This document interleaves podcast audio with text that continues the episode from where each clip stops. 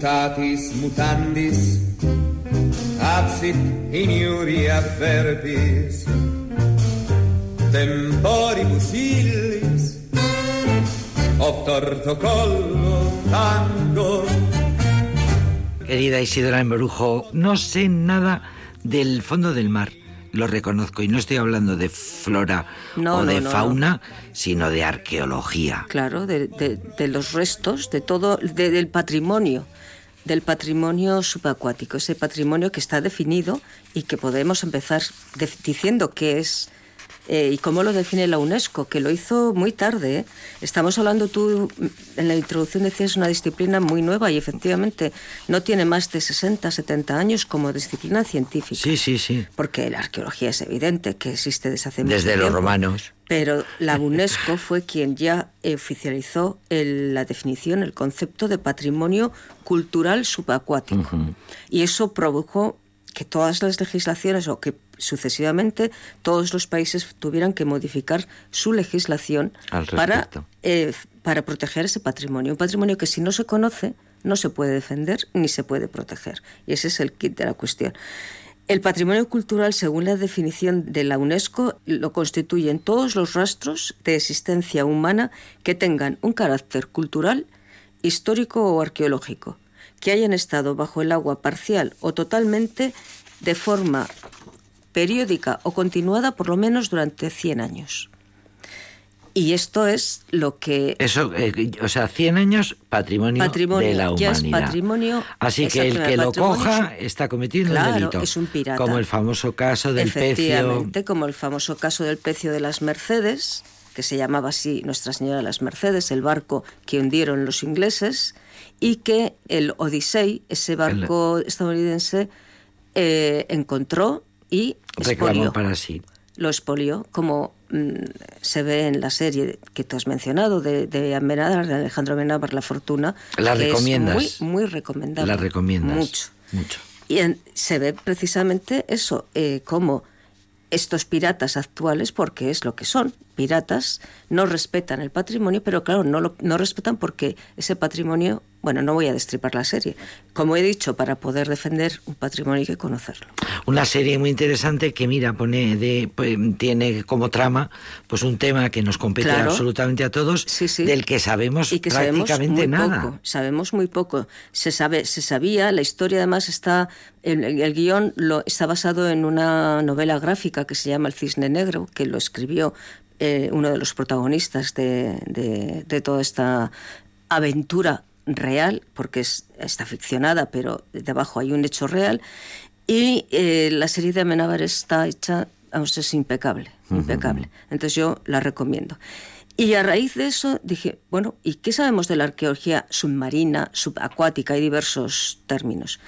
Pues nosotros mm, sabemos poco, los romanos ya la practicaban pero con otro fin. Pero ellos ya hablan. Sin bombonas, ya sin de oxígeno. Exactamente, sin, sin, máquinas que barren, sin cámaras que eh, dejan el todo. Sin robots, y, robots que, manejables desde la exactamente, desde la superficie. No, no, eh, pero los romanos Plinio ya hablaba de que había buceadores que eh, y además estaba su actividad estaba regulada. Es decir eh, ya desde el siglo I algunos dicen que antes eh, existía una legislación existía una ley escrita en piedra que decía cuál debía ser la remuneración que debía darse a esos submarinistas que con una piedra y una cuerda y a pulmón libre se, eh, se, eh, eh, sumergían. en las profundidades marinas para recuperar los objetos preciosos, los objetos que se habían caído de la guerra que fuera, de la barca que fuera.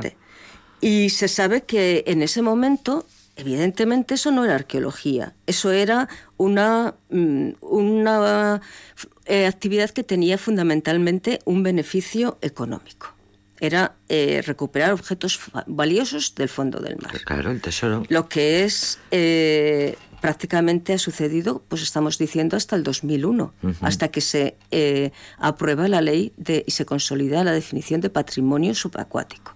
Hasta entonces, pues había muchos eh, barcos, muchas empresas que se dedicaban empresas privadas privadas que, se dedicaban a barrer con esos sonares. contratan investigadores eh, o sea historiadores pero para investigar pero no historiadores no solo la era zona en la que hay que investigar porque precisamente eh, la clave lo que tú acabas de decir los investigadores es la clave para que esa actividad que es prácticamente única y exclusivamente económica podríamos decir, de piratería, se convierta en una, disciplina científica. Claro. Es decir, eh, hay un paso, hay un momento en que el, pecio, el barco hundido, se convierte y se considera como un yacimiento, un yacimiento subacuático, un yacimiento que está, como todos los yacimientos, también en tierra libre, enterrado, claro. sin tocar, que tiene una información histórica riquísima y que, es, y que refleja el momento y la situación de, eh,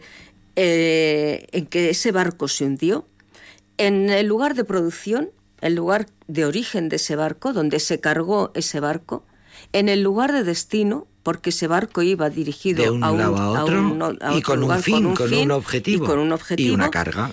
Y que además eh, mm, Ahí es muy importante porque mm, hay que considerar que eh, ese barco y esa información eh, muchas veces es ajena al lugar al, sí, sí, al, lugar, donde, se descubre. Sí, claro, sí, sí. Y de hecho se han encontrado, lo sabemos, pecios griegos, es decir, barcos griegos hundidos pues eh, en las costas africanas. Y se han encontrado con, claro, con vasijas griegas y con materiales. Esto ya nos lo has contado tú en algún. Sí, hemos hablado. Diría de, en más de, una ocasión, sí, sí. Sí. Entonces, ese, ese paso es importante, ese considerar eh, el arco como un yacimiento, hizo que esta arqueología, que esta rama de la arqueología se desarrollara. ¿Dónde estudian los, los arqueólogos? ¿Dónde se forman para ser arqueólogos? Vamos a dar ideas a estos jóvenes universitarios que no saben por dónde van a tirar. Pues hay universidades especializadas, por ejemplo, Alicante, por ejemplo, en, el Levante, en las universidades del Levante. No es casualidad que el museo de uno de los museos que mejores fondos tiene sea el de Cartagena. Pero hay que decirles que primero se van a formar como arqueólogos como arqueólogos. Claro, es que es fundamental. Claro, porque tienen que Luego, donde desarrollen su, claro, su investigación. pero tienen que comprender que lo que van a hacer es una excavación que tienen que dar a conocer todos los resultados científicamente, todos los resultados que obtengan en ella y que muchas veces y eso cuesta, es mejor no tocarlo, no tocar el yacimiento si no se puede hacer una excavación en condiciones. Porque una vez que se, toca, es como, siempre se hace ese símil, se, define así, pero es que es verdad, es como un libro que al leer la página que lo quemaramos. Eso es un yacimiento. En el momento en que tú empiezas a excavar, esa primera capa que has quitado ya desaparece y nunca vas a poderla recuperar. Entonces, está comprobado que es mucho mejor no tocar un yacimiento dejar ese barco investigar en el cómo fondo, se puede abordar exactamente hasta que no se pierda que se pueda hacer en condiciones. Lo que es imprescindible es hacer cartas arqueológicas, eso sí, identificarlos, saber dónde están. Con las posibilidades que tenemos ahora, incluso se pueden hacer fotografías, fotografías en 3D, se pueden saber eh, mm, eh, qué es lo que hay abajo. Pero es mucho mejor, y lo dice la UNESCO también, eh, si no se tienen esas técnicas, esos métodos de exploración no destructivos, no tocarlos, no tocarlos. Esos eh, jóvenes que se van a formar como arqueólogos van a recibir luego una serie de, eh, digamos, de formación complementaria y muy importante. Aparte de la historia, aparte de la arqueología, pues van a recibir una información sobre cuestiones marítimas. Tienen que conocer el mar las mareas, conocer la. La flora, la fauna, la geografía, la orografía. La orografía. Del, fondo del mar. Y, por supuesto, las técnicas de inmersión y las técnicas ya propiamente la preparación física.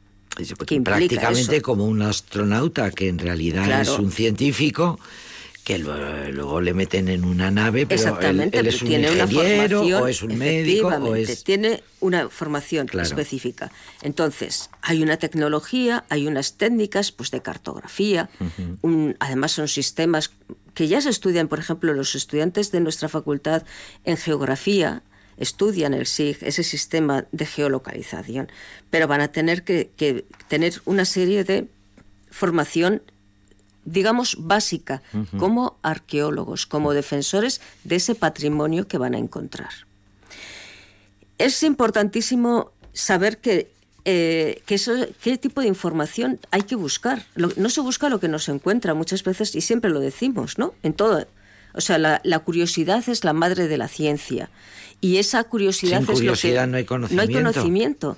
Entonces, ¿qué es lo que... Eh, por eso se, se, bajó al, al, mar, por eso se, se desde, el mil, desde prácticamente 1950 empezó a, a, desarrollarse las nuevas técnicas. Y, hay un... Tenemos que citar a Cousteau, o sea, el gran referente de, de ese mundo, de, esa... como era el capitán Cousteau. Eh, sí, pero que él tenía unas intenciones más naturalistas, no era historiador, pero sí que sirvió para, eh, introducir todo esto. ¿Qué, nos da, ¿Qué información nos da un barco, por ejemplo? Pues nos dice eh, cómo eran las eh, operaciones de compraventa. Por eso muchas veces se habla de arqueología mercantil o comercial. claro, los barcos iban claro, o por fundamentalmente se estudian barcos y los que se han comercio. son barcos de comercio. Y esa es la razón, por ejemplo, por la que las ánforas que se utilizan para transportar el vino. El turismo en aquel tiempo pues no existía. No, no existía. Se podía transportar tropas, pero era más interesante el comercio. Claro. Y por eso se utilizaba un tipo de ánfora que iba tumbada, que iba compacta y que evitaba los naufragios. Y cuando han aparecido y se han sacado, se han dado cuenta de que esas ánforas no se tenían en pie, no estaban hechas para, estar, en, la tierra, sino, que, estaban hechas según la morfología de los barcos, para poderlas transportar y de una forma que, que no volcara el, barco. Se sabe. Fíjate tú la ingeniería que hay ahí. Claro, claro, claro. Es importantísimo. Se sabe eh, cuáles eran los lugares de consumo. ¿Por qué había unos, en unos lugares unos productos y en otros no? Porque había relaciones entre los comerciantes. Se saben las rutas que seguían las, las embarcaciones. Y se sabe también porque hay, hay testimonios escritos, hay eh, cartas escritas en plomo, es decir, inscripciones que enviadas muy pequeñas, claro, no pensemos que eran grandes, grandes eh, documentos, sino pequeños plomos escritos en los que un eh, comerciante de Marsella, de la colonia griega de Masalia, le escribe a su contacto de Ampurias, diciéndole que contacte con un comerciante de Sagunto para que se pongan de acuerdo en la venta del producto y en el reparto de los beneficios. Y que cuando lo hayan hecho, saldrá el barco para, para Ampurias. Y hay uno muy importante, uno de estos plomos muy curioso, por ejemplo, porque está escrito en griego y en ibero. Es decir, en ese comercio participan los pueblos indígenas y participan los comerciantes griegos. Y muchos de estos barcos que navegaban son los que, por razones como estamos diciendo, muchas veces eh, o sea, mm, por el clima, por cuestiones muy, muy aleatorias, se hundieron y están todavía en esos fondos. Un tesoro histórico artístico, un tesoro, es un, tesoro, sí, no es un tesoro crematístico, no, que nadie piense que nadie conciba la arqueología como una cuestión. Un tesoro para abrir nuevas vías en lo que tiene que ver con la historia de la humanidad, fundamentalmente, quiénes somos, de dónde venimos, cuántos éramos. Eh, querida Isidora Embrujo. Gracias. Gracias.